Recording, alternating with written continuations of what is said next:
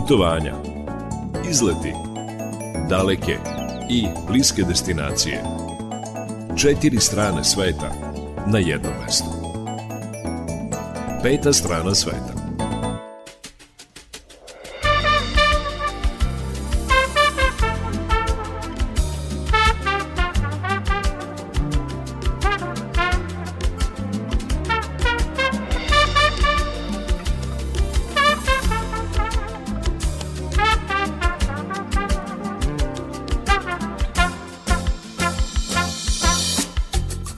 Dan, poštovani slušalci, dobrodošli u još jedno izdanje turističkog magazina Peta strana sveta. Pred nama je dvosatna emisija sa različitim temama, predlozima, gde biste mogli da odete, šta biste mogli da vidite, pa ćemo tako predstaviti turističku ponudu opštine Topola, zatim turističku ponudu opštine Nova Varoš i tog zlatarskog kraja, ponudu Valjeva, kada je reč o destinacijama, fokusirat ćemo se na te tri opštine, A šta se nalazi u akvarijumu u Beogradu? I to ćete saznati ukoliko budete slušali naš turistički magazin. Kako izgleda dvorac Dunđerskih u Kulpinu saznaćete takođe ako ostanete uz nas. Imaćemo kustosa koji će nas provesti kroz taj dvorac i za kraj ući ćemo i u muzej konjarstva. On se nalazi u Ergeli Karadžorđevo, osnovan je davne 1983. godine i jedna je od većih turističkih atrakcija u opštini Bačka Palanka. Mnogo je razloga da ostanete uz nas, stoga budite uz Radio Novi Sad, počinje turistički magazin Peta strana sveta. Ja sam Irina Samopjan i želim vam još jednom dobrodošlicu na naše talase.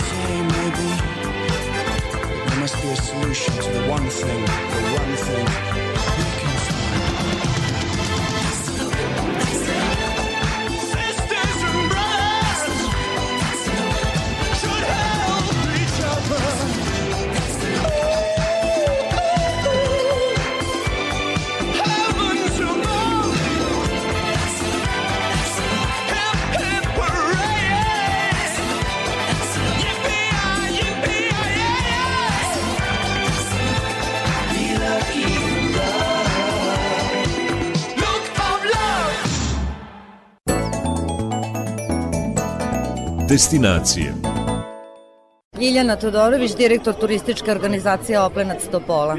Topola je jedna od sedam opština centralne šumadijske regije, destinacija koja je na, na turističkoj mapi Srbije prisutna već decenijama, pre svega godinama unazad kao izletnička destinacija koja je svoje goste privlačila spomeničkim nasleđem, pričama o prošlosti, sadašnjosti, kraljevima, sadušpinarima, čuvenim oplenačkim vinima. Topola ima preko 100.000 registrovanih gostiju. Kad to kažem, mislim pre svega na goste koji kupe muzejsku ulaznicu za obilazak lokaliteta i u tu cifru se ne računaju gosti na našim manifestacijama a naša najznačajnija manifestacija je oplenačka berba grožđa koja se tradicionalno održava drugog vikenda oktobra. Kada je reč o vašim vinima, Po čemu su ona sad čuvena, jel evo vi ste sad, došli ste u Vojvodinu da se predstavite, a znate da su i naša vina poznata, pa u čemu se razlikuje? Topola ima šest registrovanih vinarija i ona je lider praktično u tom vinskom putu Šumadije, jer šumadijski vinogradari su organizovani, ima ih e, u udruženju 14 i ono što nas razlikuje od, od vojvođanskih vina, da tako kažem, jeste taj uh, buketi mirisi i ukusi koji se sa podnevlja povlače i ulaze u, ta naša vina. Mi gajimo znači vina koja su pre svega mirisnih nota, voćnih nota, sovinjo najviše. Vaša vina vuku notu iz peska, a ovde su drugačije podloge za, za uzgoj vina i vinskih sorti. Ono što naša vina razlikuje, odnosno oplinačka vina razlikuje od svih ostalih jeste ta tradicija u, u spravljanju čuvenih kraljevskih vina koja, koja su snabdevala i evropske dvorove pre drugog svetskog rata, jer je prva vinarija u našem kraju nastala još 30. godine kada je kralj Petar, kasnije i kralj Aleksandar napravio kraljevsku vinariju na Oplencu. Ljiljana, da li postoji neka vinska tura kod vas kada dođemo u vašu turističku organizaciju i da nam vi preporučite kako da obiđemo podrume Da li je tih 14 vinara zainteresovano da otvori vrata svojih podruma yes. za degustaciju? Mi imamo manifestaciju koja se zove Festival šumadijskih vina. Ona je održana pre desetak dana u Topoli i svih 14 vinara se predstavljaju tom prilikom na Kraljevskoj vinariji u Topoli. Naravno, napravljena je, napravljen je taj mimo vinski, te manifestacije. Mimo te manifestacije napravljen je turistički proizvod šumadijski put vina i ono što mi sada pokušavamo jeste da sve te naše vinare povežemo i, i, i, i infrastrukturno povežemo, ne samo da ih lociramo kao, vin, kao de vinarije koje su otvorene, e, najsnažnije i vinarije koje su najviše ovaj, praktično okrenute gostu, odnosno turisti, tom vinskom turisti koji dolazi, jesu Kraljevska vinarija, vinarija Aleksandrović u selu Vinča kod Topole, zatim vinarija Arsenijević, velika vinarija Piko Oplenac u Topoli i vinarija Despotika. Ono što čemu mi težimo jeste naravno otvaranje i ostalih vinarija prema gostima, ali to podrazumeva osposobljavanje samih vinarija za prihvat gostiju, jer kad vinski turista dođe, on očekuje i treba da dobije pre svega vođenje kroz vinarije, zatim onda čoveka koji poznaje vina i koji će im uz odgovarajuću hranu naravno preporučiti vina za degustaciju. Kada reč o Oplencu, o muzejskoj toj postavci, da. veliki broj turista dolazi to da vidi. Šta mogu da vide oni koji nikada nisu bili? Kako da predstavimo tu postavku? E, pre svega Topola se predstavlja i nekako glavni povod za dolazak u Topolu je decenijama bio obilazak mauzoleja kraljevske porodice Karadžođević, gde su na jednom mestu, i to je zaista onako jedinstveno u čitavoj Srbiji, sahranjeni svi članovi kraljevske kuće Karadžođević. Preko 30 članova kraljevske kuće, od toga pet vladara i svih pet vladara su na jednom mestu. Pored svega toga, naravno sama arhitektura objekta na Oplencu je takva da ona pleni e, i arhitekturom i unutrašnjim uređenjem, a to je mozaičko unutrašnje uređenje gde je na 3500 kvadratnih metara pod mozaikom predstavljeno sve ono što je najlepše u freskoslikarstvu čitave srednjovekovne Srbije predstavljeno u Topoli na Oplincu u, mozaj, u mozaičkoj tehnici. Mozaik je originalni, muranski i rađen je preko 15.000 nijansi boja. I to su sve podaci koji zaista svakog gosta ostave bez e, reči, ostave ga potpuno ne mogu čitavoj toj priči i svi ti gosti se uvek ponovo i ponovo vraćaju jer ta priča ne može da se ispriča ni za 15, 20 minuta, ni pola sata, Znači, uvek imate neku novu informaciju da dobijete, da neki novi mozaik vidite, jer tu je preko 1500 likova na 725 kompozicija. To je, e, crkva na Oplencu je spomenik kulture od izuzetnog značaja za državu Srbiju, proglašen još 79. godine za takav. E, tu je naravno i Karadžorđev grad, sa muzejskom postavkom koja govori o vremenu prvog srpskog ustanka o Karadžorđu o ustanicima. E, Karadžorđev grad koji je obnovljen 65. godine i ta postavka naravno sada u ovom trenutku treba da pretrpi neke promene, da se prilagodi jednom savremenijem trendu predstavljanja. Taj deo istorije nacionalne treba da se približi jednom đaku koji će sutra biti turista u jednom drugom obliku, u jednom drugom vremenu. Taj đački turizam je posle posebno važan za nas zato što vi đaka negujete kao turistu koji će vam se uvek ponovo vraćati, naravno. Znači, ekskurzije su kod vas gotovo neprestano dolaze đaci. Da, uglavnom imamo taj eh, period aprila, maja, i onda naravno ponovo septembar i oktobar.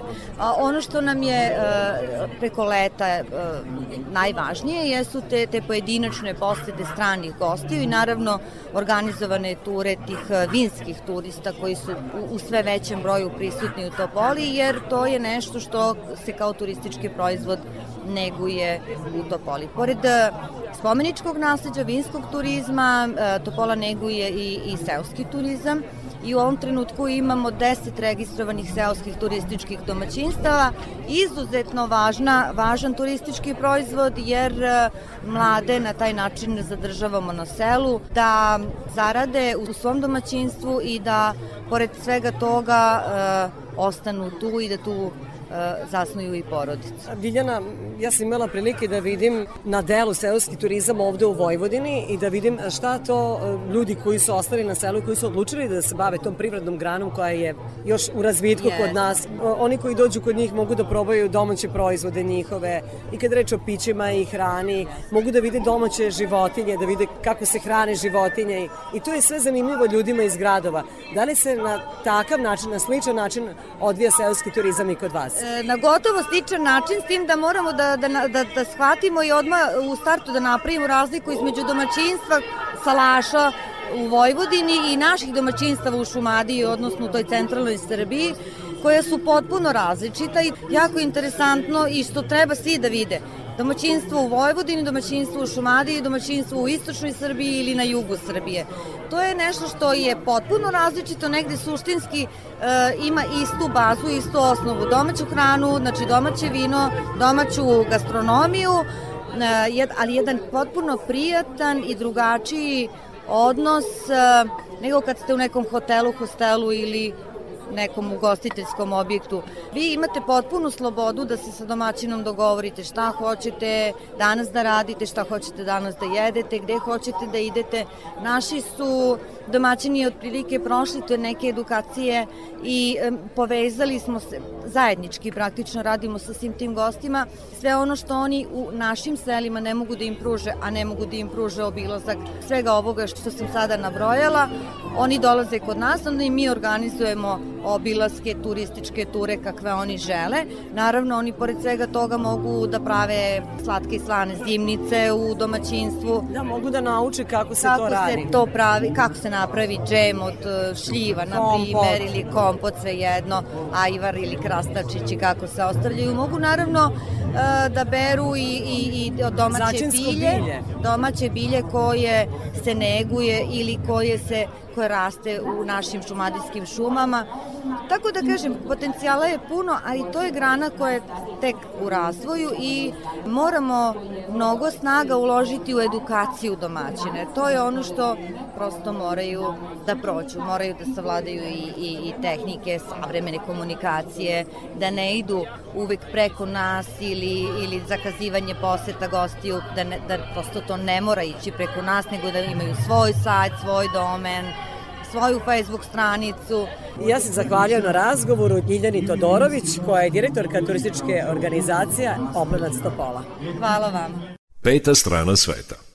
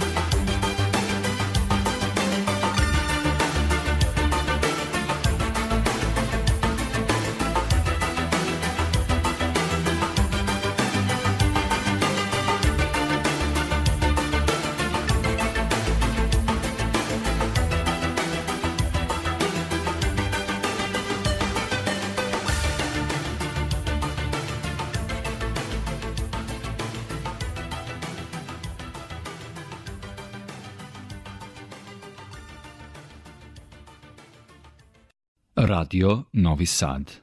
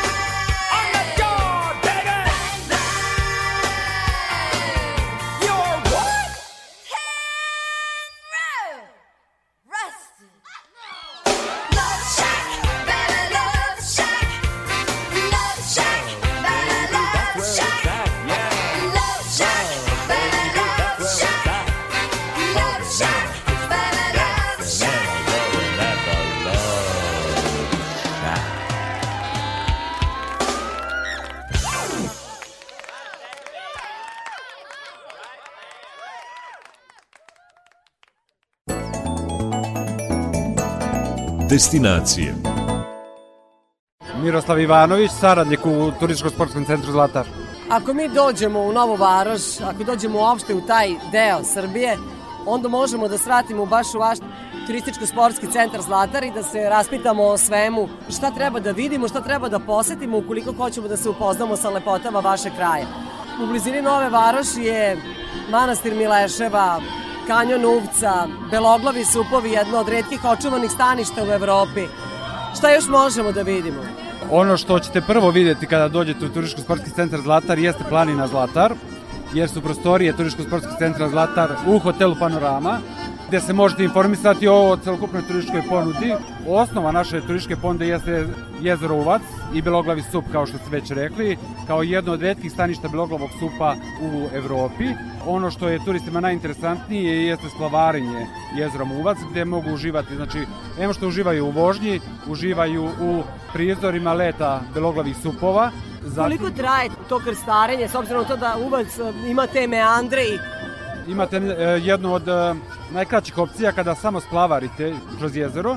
Druga opcija je da postavite ledenu pećinu kada vam treba još dodatnih sat vremena za obilazak ledene pećine koja nije osvetljena, ali je uređena za turističke posete, tako da praktično tu imate još jedan sat i još jedan sat ukoliko želite da se popenjete na one predivne vidikovce na Uvcu i da se fotografišete. Do kog? Ima ih više. Ja sam bila na molitvi. Na molitvi ili na susednoj strani. Preko puta. Na, upravo tako. Znači, zavisi za koji se opredelite. U svakom slučaju treba nekih znači, dodatnih sat vremena da se popenjete gore i da se fotografišete i da se vratite. Najduža ruta traje 4 do 5 sati. A vi ste sada rekli da se popnemo gore. Dakle, postoji ta opcija da se mi penjemo kao planinari, to bi bio kao neki aktivni odmor Upravo u prirodi. Upravo tako, izlazite iz brodića i penjete se nekih 500 metara naviše do Vidikovca, odakle se pruža neverovatan pogled na meandre i gde upravo znači ljudi beleže onaj jedinstveni prizor Onu sliku koja nas predstavlja u svetu tako, kao zemlju. Na svim međunarodnim sajmovima nas predstavlja ta slika. To sam vas pitala zbog toga što sam ja došla iz pravca Sjenice do molitve i onda smo mi mogli smo peške doći Bez ravnim putem, mislim, ne mogu ni to da kažem da je ravni i to je jedan krivudavi, nezgodan put, ali svakako je ovo za planinare, one koji su hrabri, ima više smelosti, snage, veštine. Upravo tako, znači to je u suštini za uh, sve posetioce, znači bez obzira na fizičku spremnost, znači mogu da se popenju do Vidikovca, da se fotografišu, uživaju pogledu i da se vrate na brod i onda se odatle vraćaju na branu Uvačkog jezera. Znači to je najpravac obilaska iz Nove Varoši. I postoji druga varijanta obilaska uh, Uvačkog jezera iz Sjenice, to je ono što ste pomenuli, kada praktično idete sa suprotne strane jezera i gdje se lakšim putem penjete do Vidikovca molitve. Sve je popularnije to da odlazimo u različite krajeve sveta, a eto i turisti dolaze kod nas i vole da uživaju lepotama prirode. Vi ste pomenuli ledenu pećinu koju možemo da vidimo kada smo u kanjonu Uvca i kada krstarimo Uvcem ali u njoj nema leda, to sam čula. Zašto se zove ledena i kako ona izgleda? Pa ledena pećina je zbog konstantno niske temperature, od nekih 9 stepeni. Uređena je za posetu, ali nema osvetljenje. Da se ne bi remetila mikroklima unutar pećine, vi praktično dobijate svu opremu za obilazak pećine. Ali šta, dobijamo baklje? Dobijate baterije koje, znači ne... Ne, znači nisu baklje, nisu, već baterije. Dobijate baterije uh, i uz pomoć rangera i specijalnog rezervata obilazite pećinu nekih 500 metara do, unutrašnjost i vraćate se natrag. Kada je reč o kulturno-istorijskim spomenicima u tom zlatarskom kraju, šta treba videti? Ono što sigurno treba videti jeste manastir Dubnica, nedaleko od uh, brane uh, Uvačkog jezera, zatim Vodenu poljanu sa manastirom uh, Kozmi i Damjana. Znači, nakon prolaska Zlatara, nekih deseta kilometra prema Sjenici, se nalazi ovaj lepi manastir, e, naravno crkvu u Novoj Varoši, džamiju u Novoj Varoši i Kajma Kamiju, jedan specifičan objekat orijentalne arhitekture u centru Nove Varoši koji je kada uđete u Novu Varoš kao da se nalazite negde na orijentu. Za ovaj objekat malo ljudi zna, ali je znači objekat zaštićen kao spomenik kulture i verujte mi znači da nećete verovati da ste e, na tlu Srbije kad se budete na primjer slikali ispred njega i to. Ima li turista, da li više stranih ili domaćih, jesmo li mi zainteresovani da vidimo lepote naše zemlje ili su pak stranci znati ženi? E, znate kako, što se Zlatara tiče, 90% turista su domaći turisti. Zato što je Zlatar... To je možda i zbog vaučera sad koji... I zbog vaučera i zato što je Zlatar uh, planina koja je orijentisana na sportsko-rekreativni turizam. Nama su gosti uglavnom sportske ekipe i rekreativne nastave iz zemlje. E, naravno, pošto smo na putu ka Crnoj Gori, imamo dosta turista iz Crne Gore, iz Bosne i Hercegovine, ali u poslednje vreme, kao i u celoj Srbiji, pojavljuju se pomalo turisti iz Rusije, Kine, malo udaljenih destinacija, Nemačke i tako dalje, znači to su još uvek pojedinačni putnici, ali... Tek treba da budemo otkriveni kao destinacija. Upravo da, će, da ćemo postati destinacija prepoznata malo bolje od njihove strane Želim mnogo turista da pokažete što bolje naš kraj, naša Srbija, eto taj zlatarski kraj, vi ste za to zaduženi. Hvala i nadam se da vas vidimo dole. Za Radio Novi Sad eh, govorio je Miroslav Ivanović, predstavnik turističko-sportskog centra Zlatar. Peta strana sveta.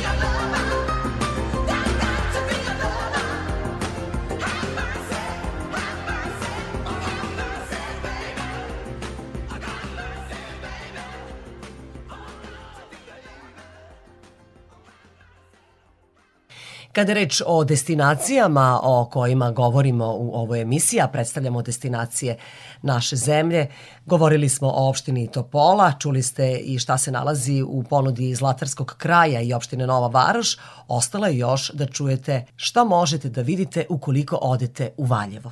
Radio Novi Sad.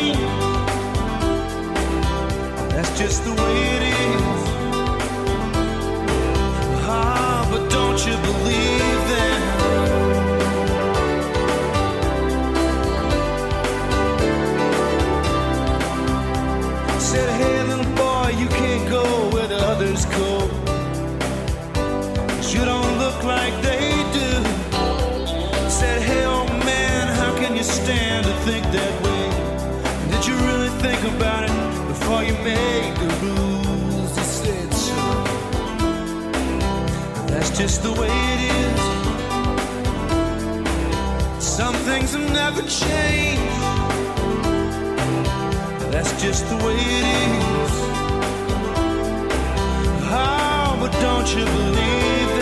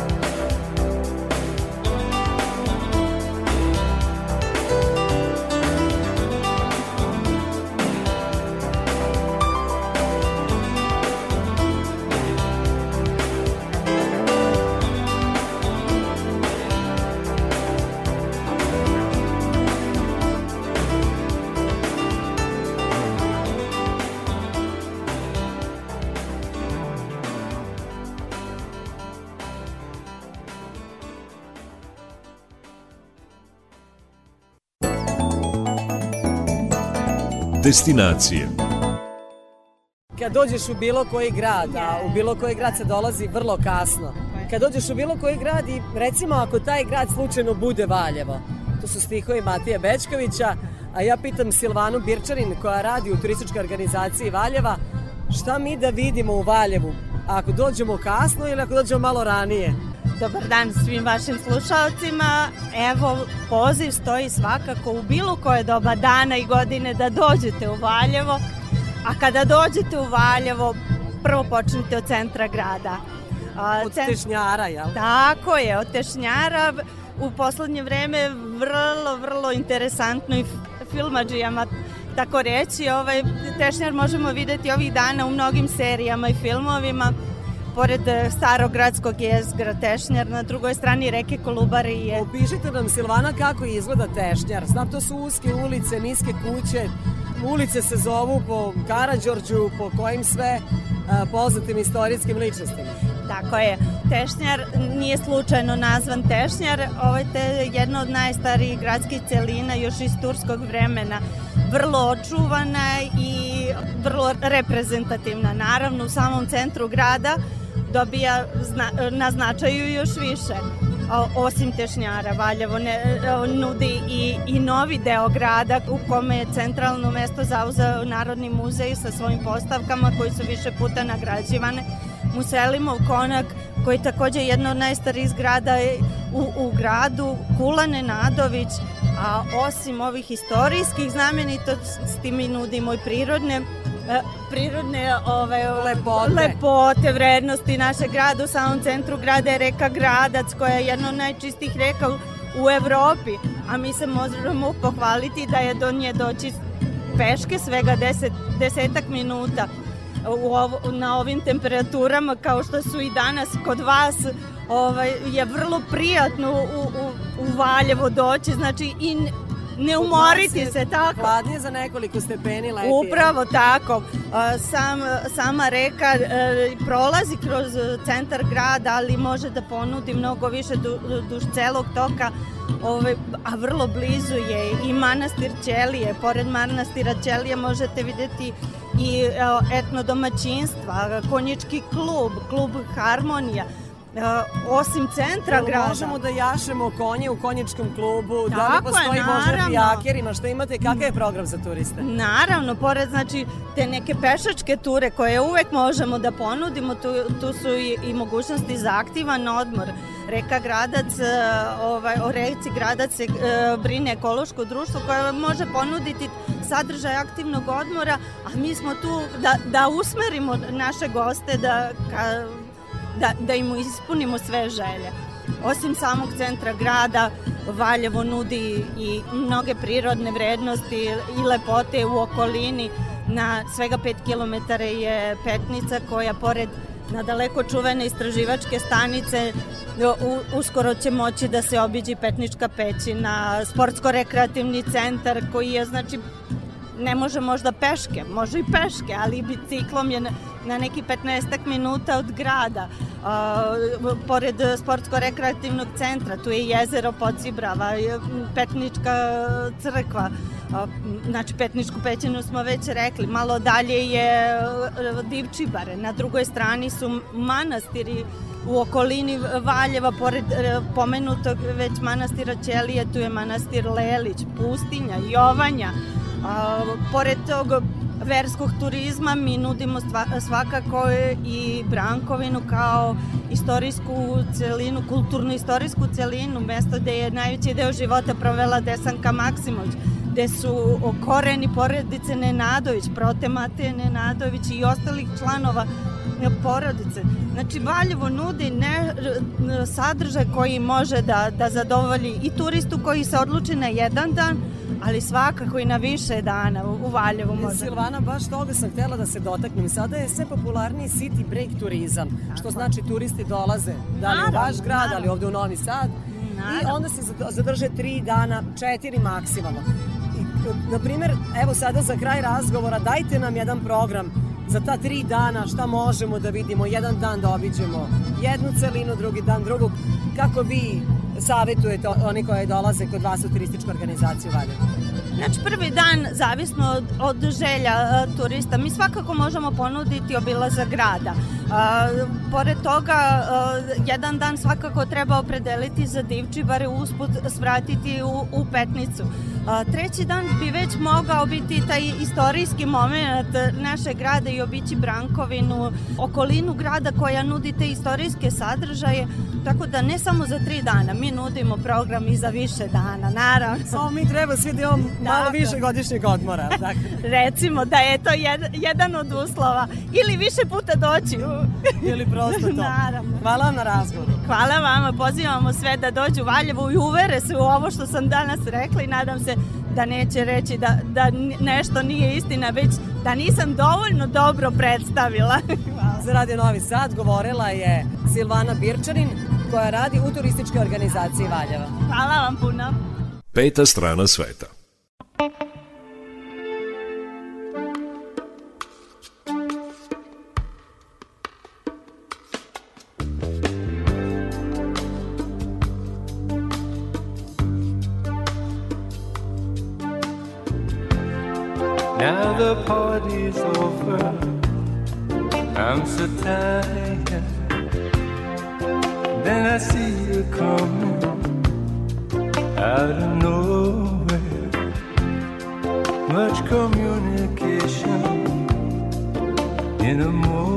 conversation.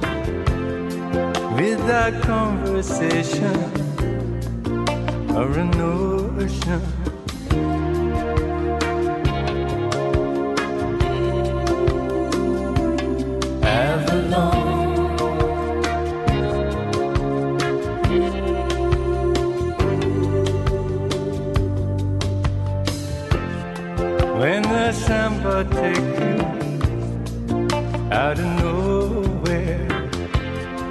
when the background fading out of focus, there's the picture changing?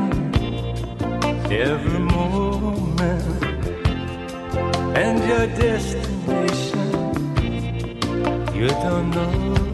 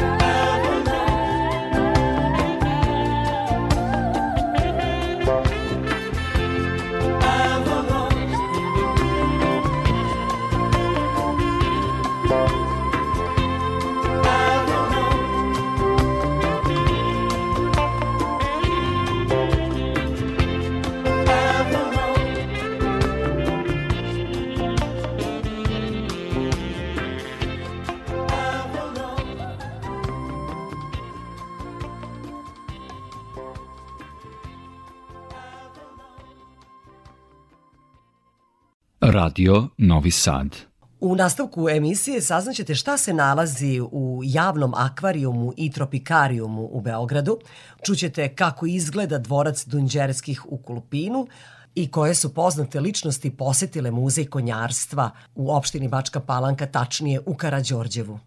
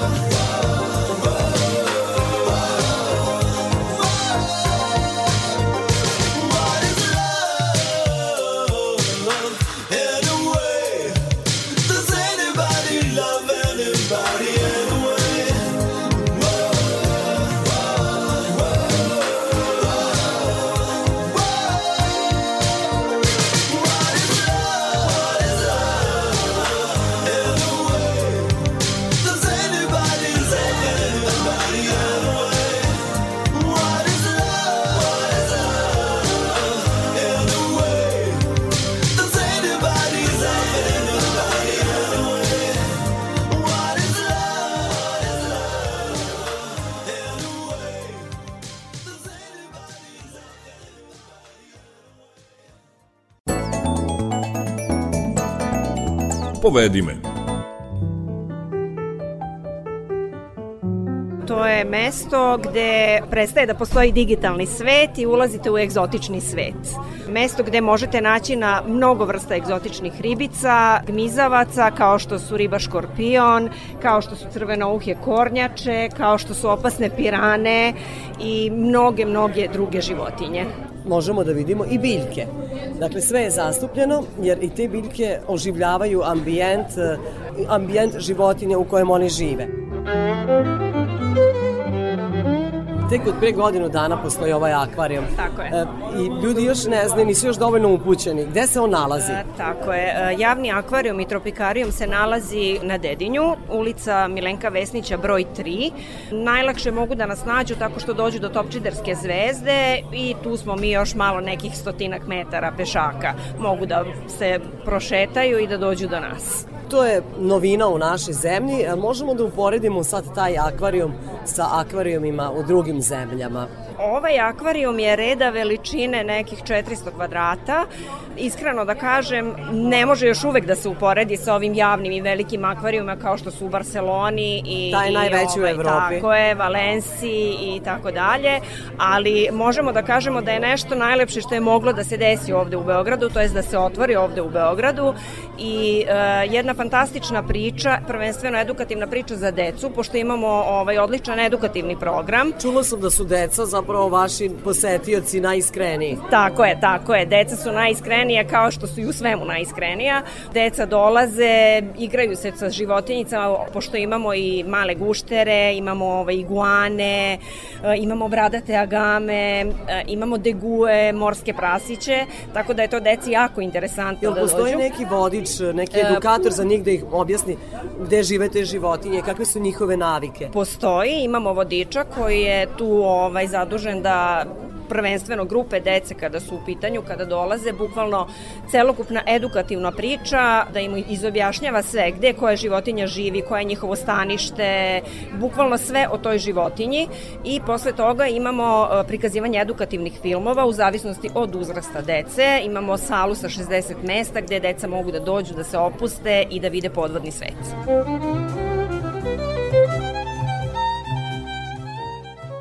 Radno vreme je od 12 do 20 časova radnim danom. Od 9 do 16 časova je vikendom. Imamo baš odličnu edukativnu priču, bukvalno odlična predavanja e, našeg menadžera javnog akvarijuma Jakovljević Branislava i prikazivanje tih edukativnih filmova. Grupno posete treba unapred javiti je, telefonom. najaviti unapred. Jel dovoljno da ukucamo nekih... javni akvarijum i tropikarijum Beograd i naravno, dobit ćemo sve podatke? Naravno, to je naša stranica na Facebooku, ima na Instagramu, tamo možete da dobijete sve informacije, sva dešavanja koje su u javnom akvarijumu i tropikarijumu Beograd, kao i održavanje nekih radionica koje ćemo sad održavati za decu i to je to. Za Radio Novi Sad, Slađana Pešić otkrila nam je da postoji javni akvarijum i tropikarijum u Beogradu, a ona tamo radi.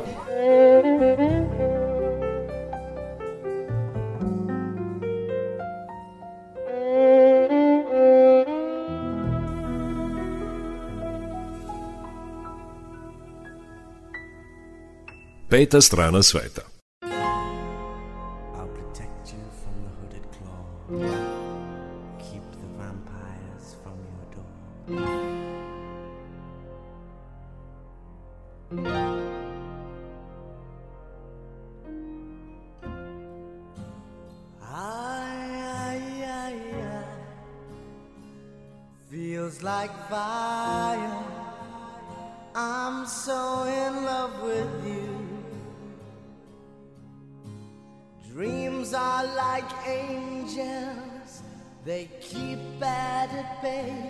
Bad at bay. Love is the light, scaring darkness away. Yeah. I'm so in love with you, purge the soul. Make love your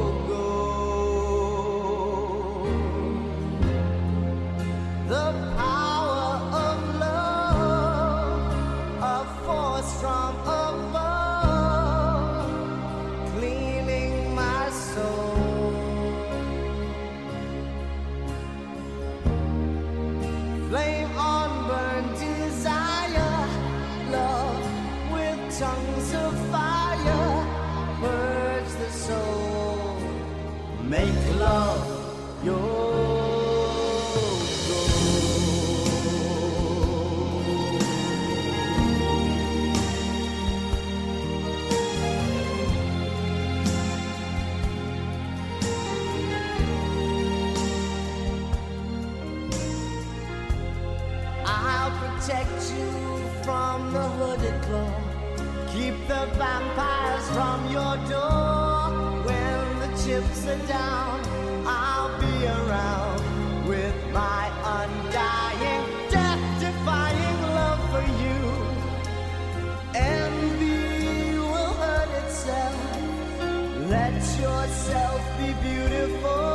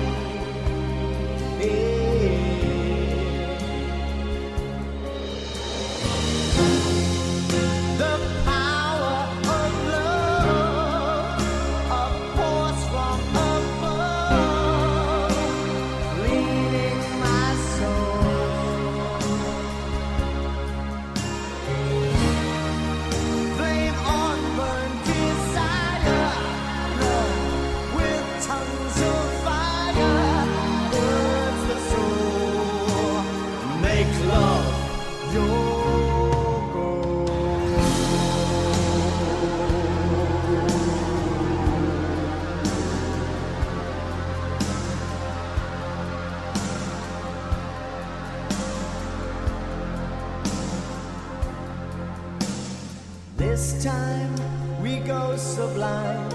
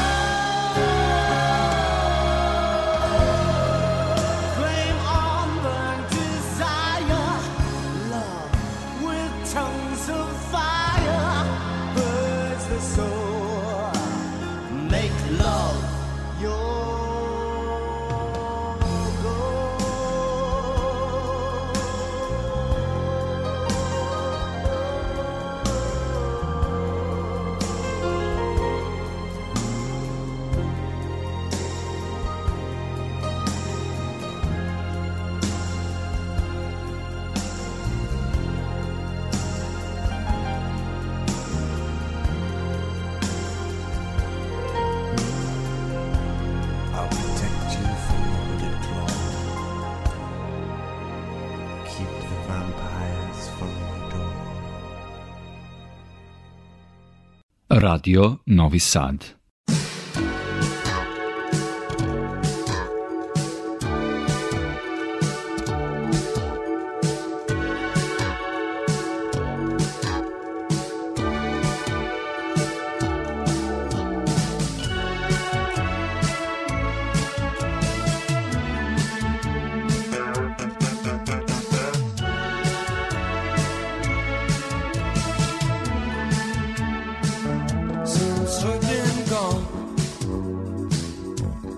shut my eyes and I fantasize that you're here with me.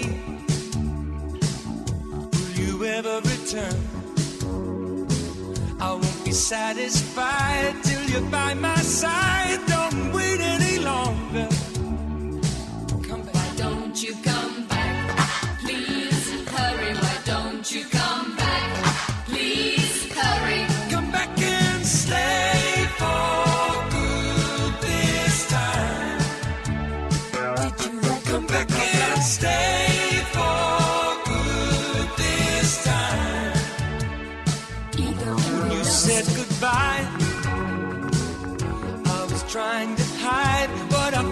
Inside until you passed me by.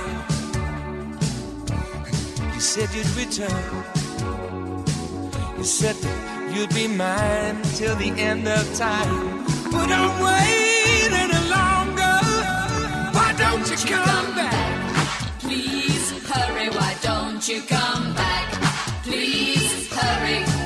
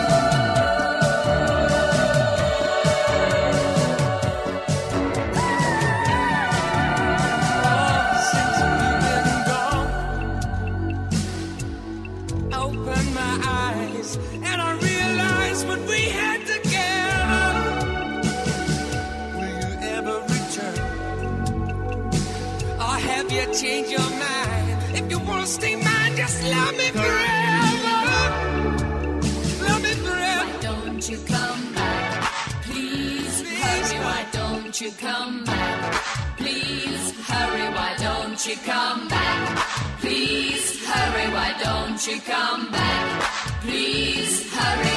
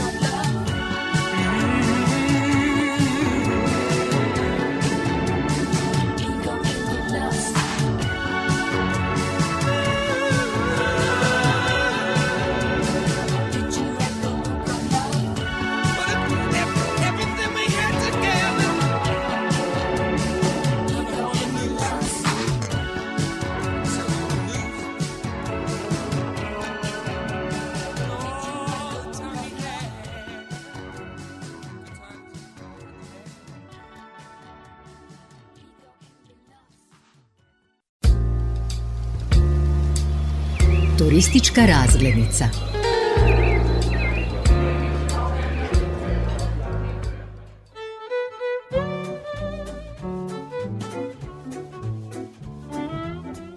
Filip Forkapić je kustos u dvorcu Dunđerskih u Kulpinu, zaposleni u Muzeju Vojvodine. Porodica Dunđerskih, koliko su oni dvoraca imali u svom posedu? Porodica Dunđerski imala je dvorac ovde kod nas u Kupinu, koji je bio u vlasništvu Đorđe ili Đorke. Zatim imali su dvorac u Čelarevu, koji je pripadao dr. Gedeonu. Zatim imali su dvorac u Hajdučici, to je pripadao Olgi.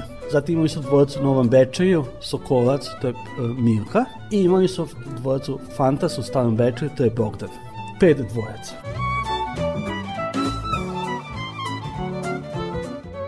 Dvorac u kojem se sada nalazimo, dvorac Dunđerskih u Kulpinu, je zapravo nekada pripadao porodici Stratimirović i on datira iz sredine 18. veka. To je Marija Terezija Stratimiroviću poklonila za njegove zasluge u ratu protiv Turaka, a borio se na strani Austrije. A potom je to Dunđerski, Lazar Dunđerski otkupio od Stratimirovića. S tim što između porodice Statimirović i porodice Duđeski bio jedan mađarski premić Semze.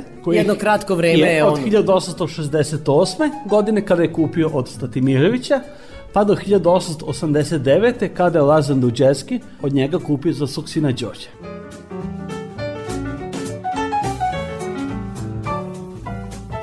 Sada je čitav dvorac pretvoren u muzej stilskog nameštaja nameštaja i koliko ima prostorija? Pa to Ima devet prostorija. Nameštaj što ovde je izložen kod nas u Kupinu, on se nalazi u dvorcu Čolarevu. Međutim, taj dvorac godinama se renovira i ovde je ta izložba koja je postavljena i kada je ona bila otvorena u Čolarevu, tada je bila jedinstvena izložbe u tadašnjoj bivšoj Jugoslaviji. Stvarno su kapitalni primjerci nameštaja, zastupnici su stilovi nameštaja. Jedan deo nameštaja baš pripada porodici Nuđerski, a veći deo nameštaja je Muzej Vojvodine za potrebe svoje zbirke otkupljivo od potomaka, zatim kupovao na tržište i tako dalje, da bi formirali tu svoju zbirku.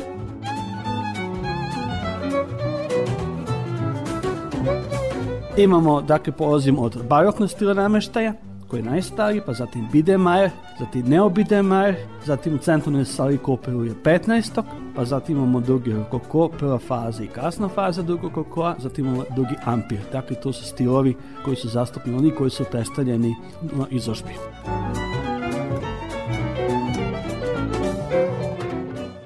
Ono što sam primetio vodeći grupe, njih najviše fascinira kad kaže da je deo namešta pripada porodici Dunđeski. Ovdje imamo dakle pisaći, od svojih šivaći sludovenke Dunđeski, za goblene, za ručno šivenje. Zatim imamo njen klavir, koji je iz 1895. godine, takođe mami uzdahe i inače proizveden i izađen je u Beču 1895. godine, nalazi se u dvorcu u Hajdučici, koja je pripadala Lenkinoj e, sestri Olgi, a zatim Penetu Čelarevo, a zatim u Dekonasu Kupin. Jeste li sačuvali note neke po kojima je Lenka ništa, svira? Ne, ne. Od Lenke smo sačuvali deo njene biblioteke, deo ne- njenih knjiga. Knjige su na raz jezicima, recimo na francuskom, na latinskom, na mađarskom.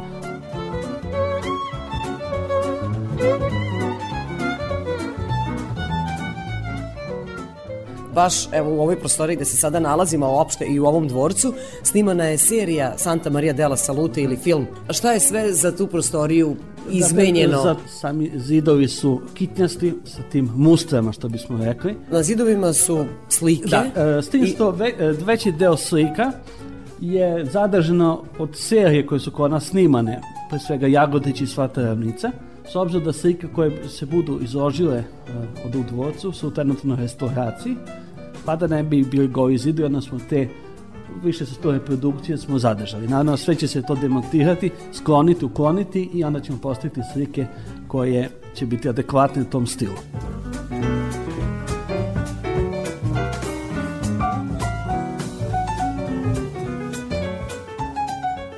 Karakteristično za ovaj dvorac je da je 1912. godine on restauriran, kada je poprimio današnji izgled.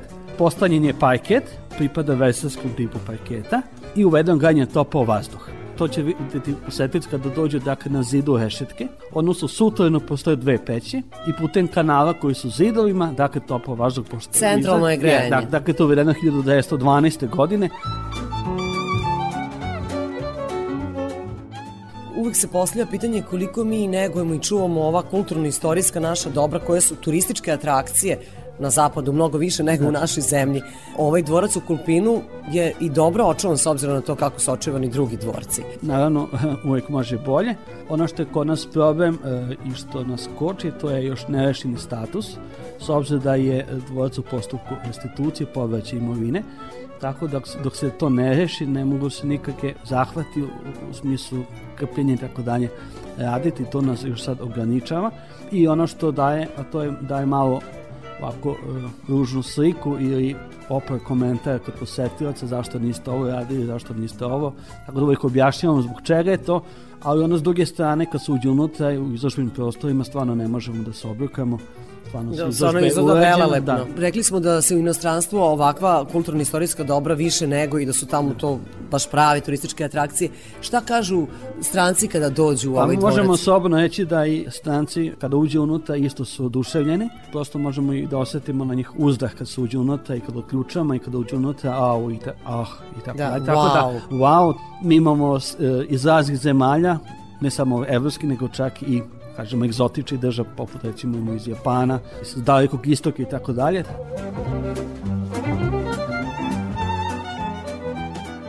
Imamo dakle jednu malu sobu koja je uređena u stilu Neo to je početak 20. veka i to je takozvana muška soba. Ja bi se posle prijema, da se održava u centralnoj sali, muškarci bi se povlačili u posebnu prostoriju, s ovim stolovima bi se kartali, imamo poseban orman gde su držali ule, gde su pušili ule, pio i konjak i dogovaraju se poslovima. S druge strane, pandam je takozvana ženska soba, gde su mlade i tako dalje sedele i čekale, i, a u centralnoj sali vršili su se balovi, prijemi, svečanosti i sama salon uređen stilu kopije Luja 15.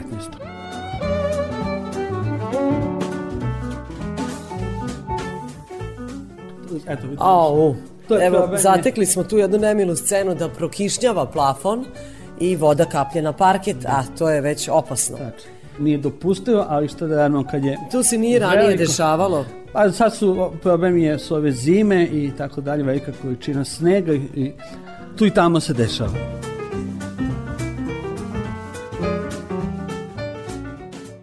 Tu je deo spavajuće soba do Lenke Duđeski.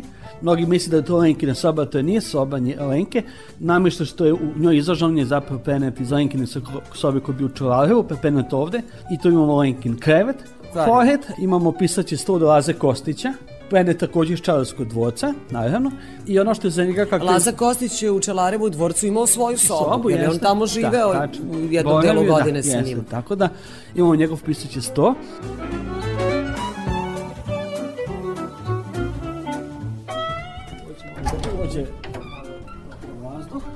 Na ovoj terasi se uživalo, pijuckala kafa, čaj, Đorđe Dunđerski i njegovi gosti imali su prelep pogled na jedan arboretum, a zapravo to je, ajde da tako kažem, jedna mala šuma. Preko 50 razni biljnih vrsta, preko puta terase, to je tisovina, drvo života, drvo ljubavi. Peneta je iz Argentine, stara preko 100 godina.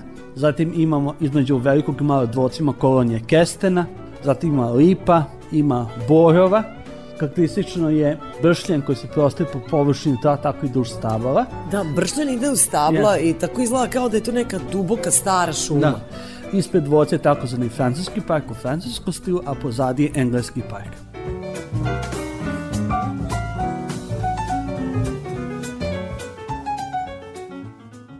Inače, sam dvorac je i ovako magnet, tako da mi imamo i fotografisanje mladenaca. Također imamo i e, I tu je isto venčanja. turistički, jel to naplaćujete?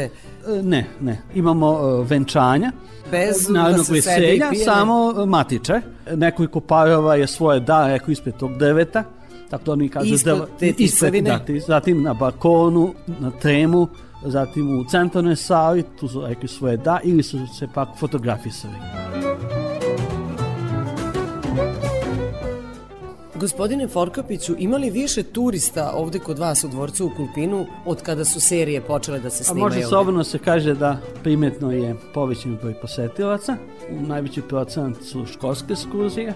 Također imamo grupe, recimo par agencija s njihovim interijerima, koji uglavnom e, imaju taj e, program Dvorci Vojvodine. Zatim imamo individualne grupe, individualne posetioce.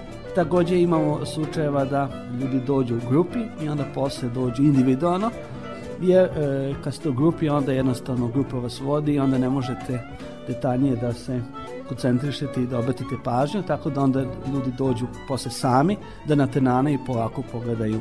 Ja vam se zahvaljujem na razgovoru. Moj sagovornik bio je Filip Forkapić. On je za slušalac Radio Novog Sada pokazao dvorac Dunđerskih u Kulpinu.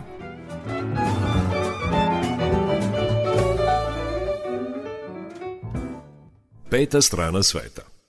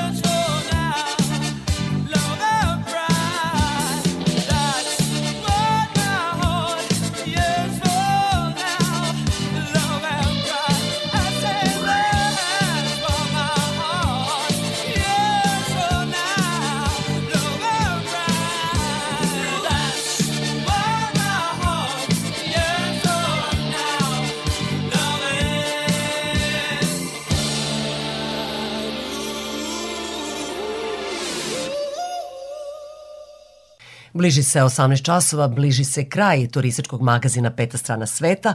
Ostala je još da doznate koje su važne i istorijske ličnosti posetile muzej konjarstva u Ergeli Karađorđevo, koji je osnovan još davne 1983. godine i kažu da je on jedna od većih turističkih atrakcija u opštini Bačka Palanka. Radio Novi Sad.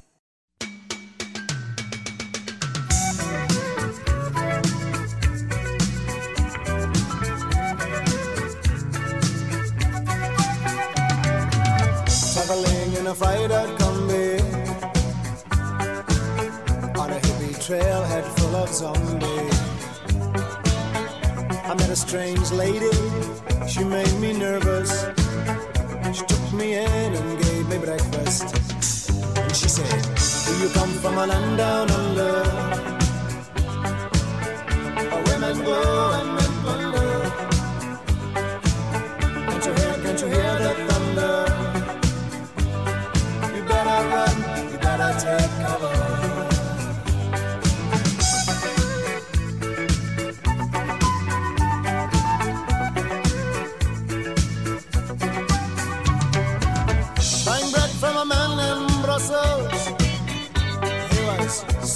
four and full of muscle.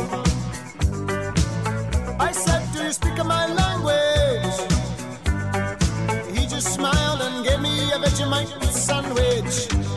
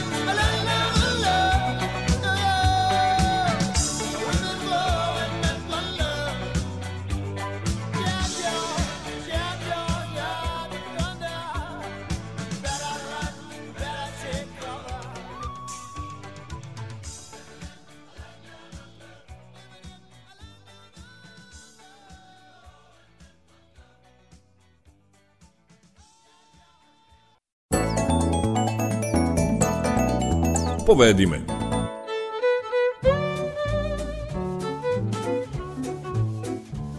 Ušli smo u muzej, čuveni muzej konjarstva i sad tu postoji još čuvenija knjiga utisaka gde su se potpisali drug Tito i drugarica Jovanka.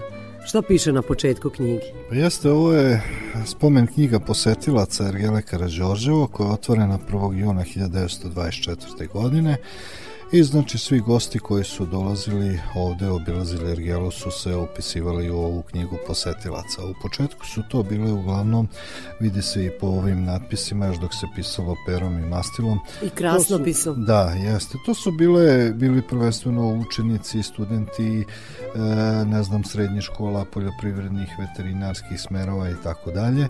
Zatim tu su bili, da kažem, rukovodioci lokalnih organizacija od opštine Bačka Palanka, Banovi, Dunavske Banovine i ostalih, kako je to nekad bilo podeljeno na ovim područjima, pa kasnije su se sve više pojavljivali i ministri poljoprivrede, zatim predsjednici među njima i Tito i Jovanka, tu su upisani jedna od, njihova, jedna od njihovih poseta 73. godine, a kasnije znači svi ostali i od predsjednika i Slobodana Miloševića i ministra odbrane, svih koji su bili u poslednjih, da kažem, nekoliko saziva, ali i strane delegacije, strani gosti koji su obilazili i koji su bili na rezidenciji i dolazili ovde u Karađorđevo, zatim diplomate koji su učestvovali u lovovima, ali i određeni stručni ljudi iz drugih ergela iz inostranstva, iz Lipica, iz Đakova, iz Mađarske, zatim tu su bili predstavnici LIFA, Međunarodne organizacije udruženja odgajivača lipicanske rase konja.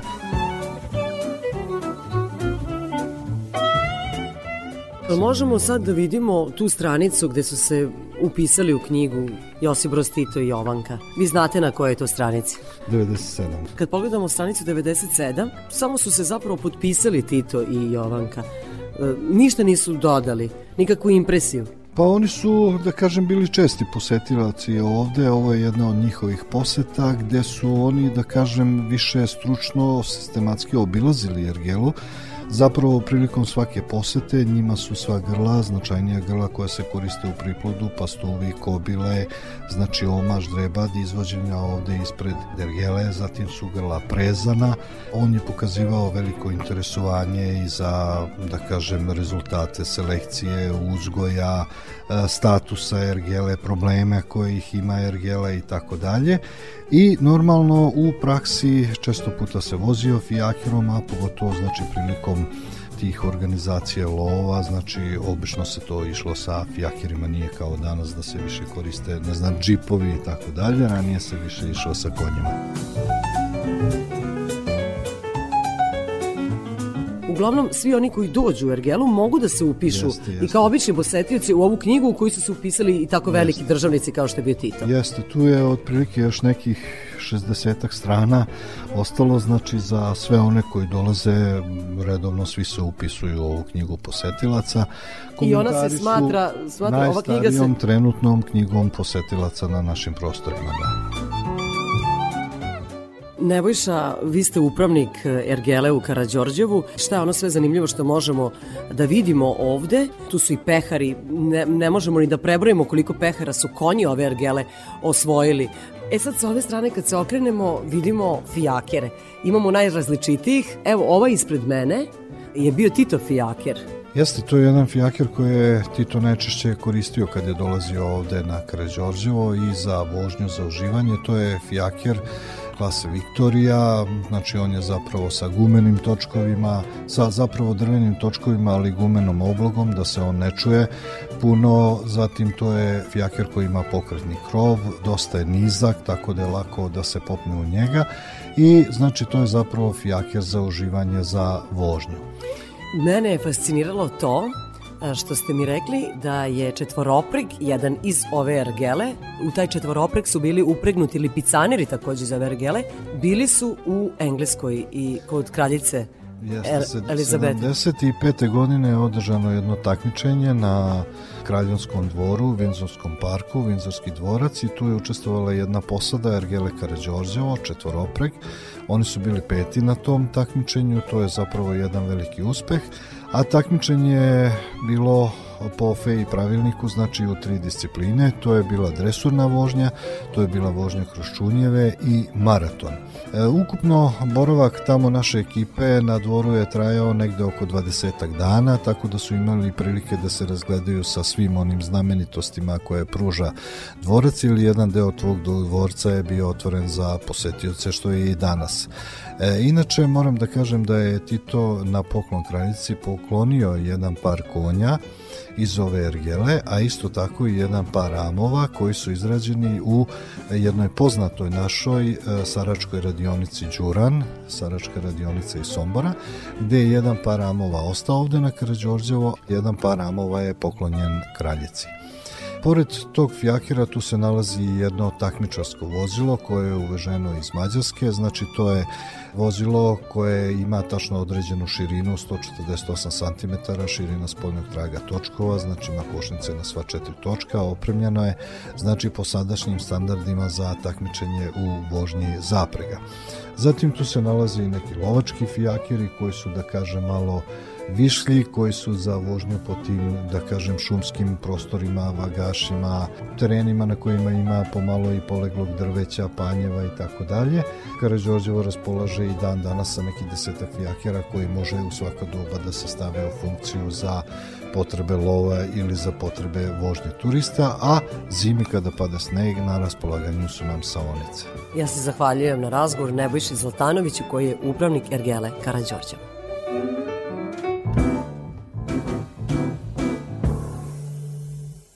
Peta strana sveta.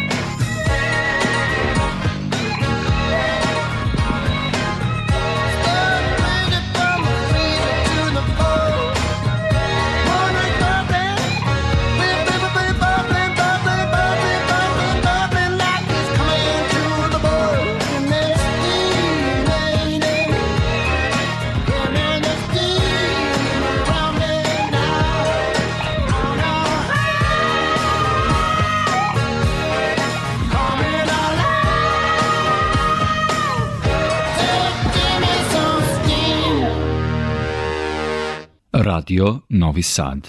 Bilo je to sve poštovani slušalci što smo pripremili u ovom izdanju turističkog magazina Peta strana sveta. U 18 časova su naše najnovije vesti, a potom i naša najstarija muzička emisija Randevu sa muzikom. Do narednog slušanja želimo vam sve najbolje i naravno srećen put.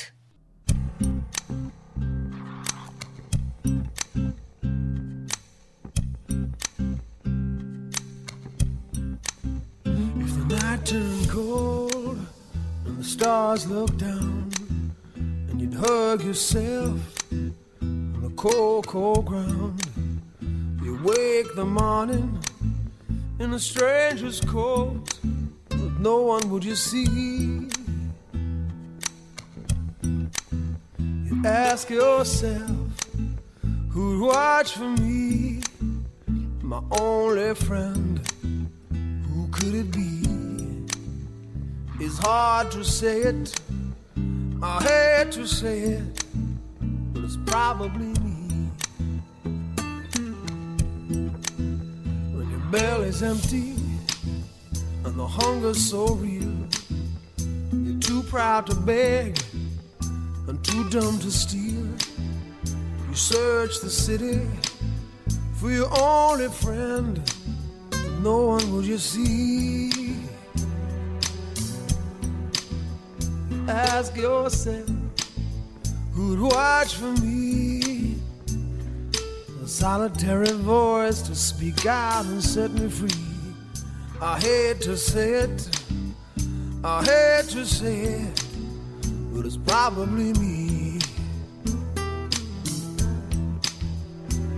You're not the easiest person I ever got to know. It was hard for us both to I feel feelings show.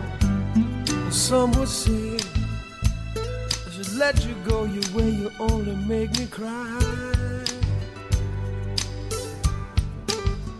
Well, if there's one guy, just one guy, who laid down his life for you and I. I hate to say it, I hate to say it, but it's probably me.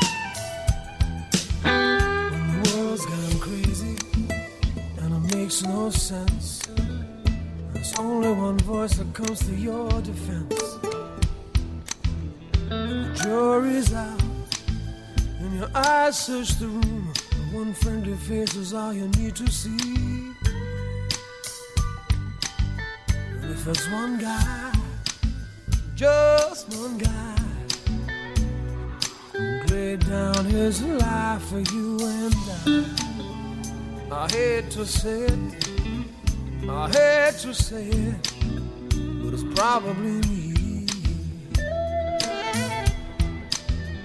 I hate to say it, I hate to say it, but it's probably me. I hate to say it. I hate to say it, but it's probably me. To say it, I hate to say it, but it's probably me. I hate to say it, I hate to say it, but it's probably me. I hate to say it. I hate to say it. It's probably me. I hate to say it. I hate to say it. It's probably me. I hate to say it. I hate to say it.